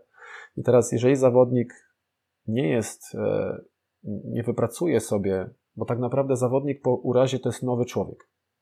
To jest kolejna rzecz, którą musimy zrozumieć. Nie, wracamy do rozwiązań koordynacyjnych, które on już miał, bo on już ich nie będzie miał. Przynajmniej części z nich. Część z nich jakby zginęła bezpowrotnie. Zmieniło się czucie, zmieniła się struktura, zmieniło się to, jak e, ciało postrzega pewne segmenty e, po urazie. I teraz tak naprawdę my musimy zrozumieć, że kształtujemy nowe umiejętności. Wypracowujemy część umiejętności od początku i musimy przejść całą periodyzację od poszukiwania przez adaptację i tak naprawdę dojść do performance stopniowo. Dwa miesiące z dziesięciu miesięcy ostatnich to jest za mało. Ja nie mam rozwiązania na każdą kontuzję, jak wprowadzić tą zdolność od początku, ale muszę mieć to w głowie i każdy, kto pracuje ze sportowcami, którzy muszą wrócić do bardzo trudnego i wymagającego środowiska, muszą mieć w głowie te wymagania, bo to są wymagania, które później e, sprawią, że za chwilę ten sportowiec wróci do ciebie. On nie będzie gotowy, on będzie gotowy tylko i wyłącznie strukturalnie, a to jest tak naprawdę zdecydowanie za mało. Zastanawiam się, Przemek, analizując e, tą, te 80 minut naszej rozmowy, na ile my powinniśmy informować zawodników o naszych założeniach treningowych z punktu widzenia właśnie tej swobody. Czy, czy te założenia fundamentalne w, w Twojej ocenie powinny być komunikowane przed treningiem, przed fazą treningową, przed okresem treningowym i zawodnik powinien dysponować tymi informacjami, że ok, jest duża dowolność ruchowa, jest przyzwolenie na wiele rzeczy, czy powinno to mimo wszystko zostać gdzieś w backgroundzie i to powinna być jednak e, trochę wiedza tajemna, żeby nie przeciążyć go pewnymi, żeby on nie, nie nadinterpretował tego, a co więcej nie wykorzystał tego przeciwko nam. Tak, i to jest kluczowa sprawa, że my pracujemy z osobą, która ma jakąś historię.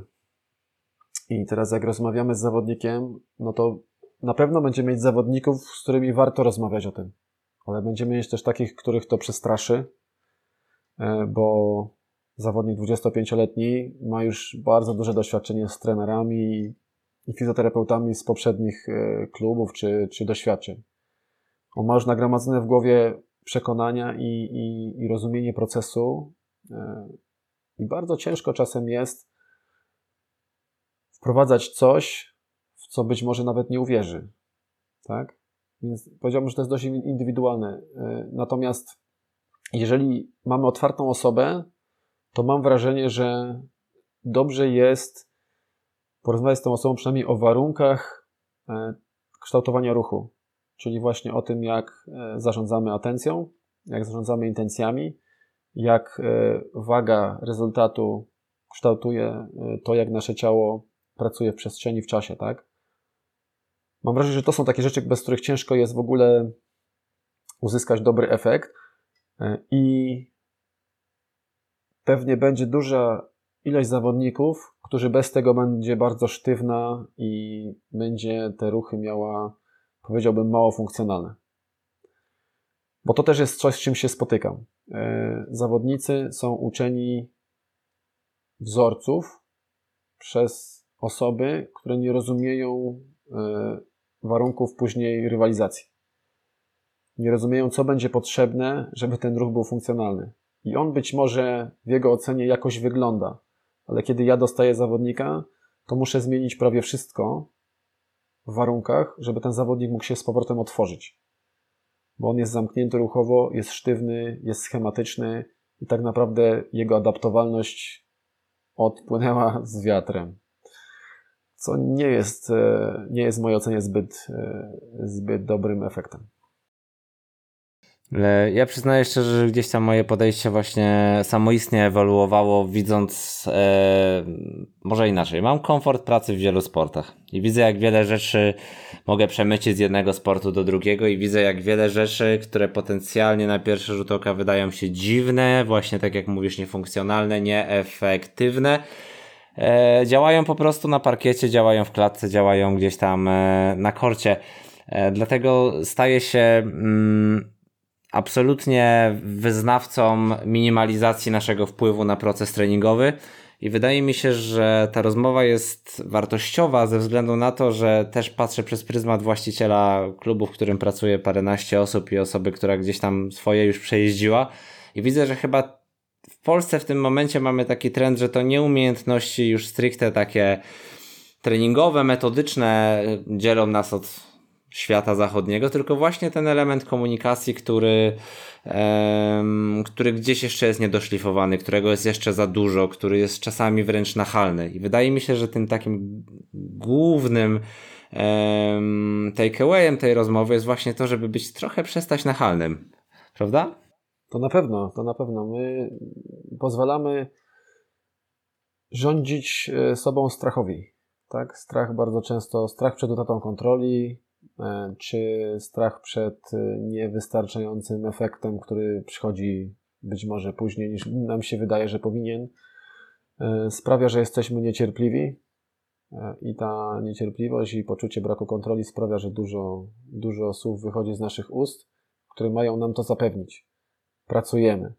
No i niestety bardzo często jest tak, że jak będzie koło siebie pracowało dwóch trenerów, jeden będzie dużo mówił, a drugi niewiele, to e, ocena zewnętrzna może wyglądać tak, że ten, który dużo mówi, to jest specjalista, no a ten drugi, który rzadko się odzywa, no to po prostu nie ma nic do powiedzenia i kulturowo jesteśmy jeszcze daleko w tej kwestii według mnie. Mamy z tym kłopot, e, natomiast jeżeli nie zmienimy rozumienia procesu, to nie zmienimy nawyków związanych e, z pracą w sporcie.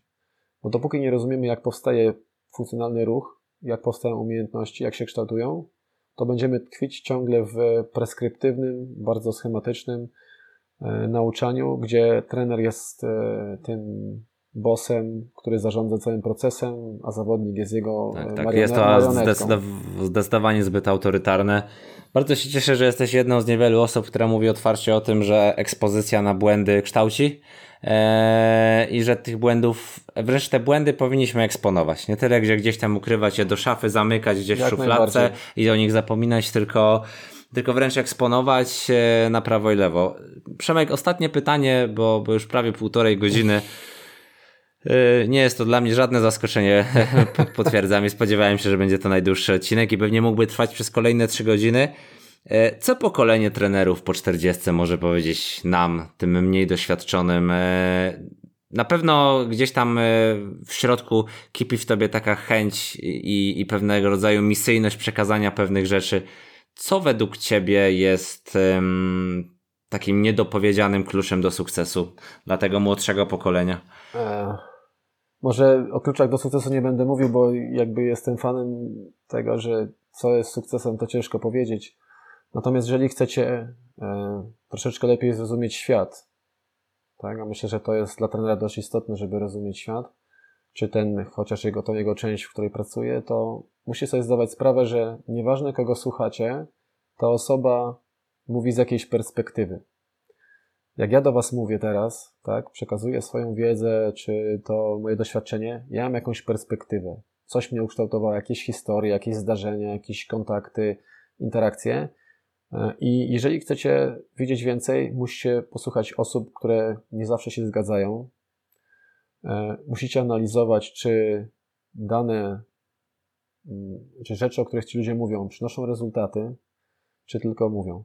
I teraz ja nie ukrywam, ja e, nie, nie widzę siebie jako osoby, która by odniosła sukces, jeżeli chodzi o, o bycie sławnym trenerem i, i chyba nigdy nie miałem takiego, e, takiego celu. Natomiast zazdroszczę młodym ludziom e, tego, jak dużo inwestują i dobrze rozumieją marketing. I chciałbym, żebyście tyle inwestowali w rozumienie drugiego człowieka, ile inwestujecie w, w to, jak sprzedawać wizerunku. I, i kształtować wizerunek, bo ja nie mówię, to jest super sprawa, tylko za tym musi iść e, właśnie ta merytoryka i też musicie zrozumieć, że żeby rozumieć ludzi, musicie mieć tysiące, setki tysięcy interakcji. I te interakcje muszą być świadome, po nich musi być refleksja i to dopiero ukształtuje Was e, jako ludzi, którzy mogą drugiemu człowiekowi w sposób holistyczny, pełny pomagać. Natomiast nie bójcie się pracować, trzeba pracować, trzeba mieć tych interakcji jak najwięcej. Dziękuję Przemek za te półtorej godziny, które w tym momencie do, dobiega. Mam nadzieję, że nie jest to też nasze ostatnie spotkanie i mam nadzieję, że zdecydujesz się wkrótce gdzieś e, stacjonarnie przekazać e, swoją wiedzę w trochę innym formacie godzinowym niż, niż 90 minut. E, liczę na to i, i szczerze mówiąc nie dostrzegam drugiej takiej postaci w Polsce w branży przez ostatnie lata, którą mógłbym spotkać, która w tak złożony i w tak przede wszystkim z pasją opowiada o tym, jak jak kształtować umiejętności ruchowe, ale i nie tylko ruchowe, bo, bo też nie fiksujmy się tylko i wyłącznie Jasne, na motoryce. To prawda. E, dziękuję Ci jeszcze raz e, i mam nadzieję do zobaczenia i do usłyszenia. Ja też dziękuję bardzo, było mi bardzo miło i na pewno y, jeszcze nie raz się spotkamy. Dziękuję. Dzięki.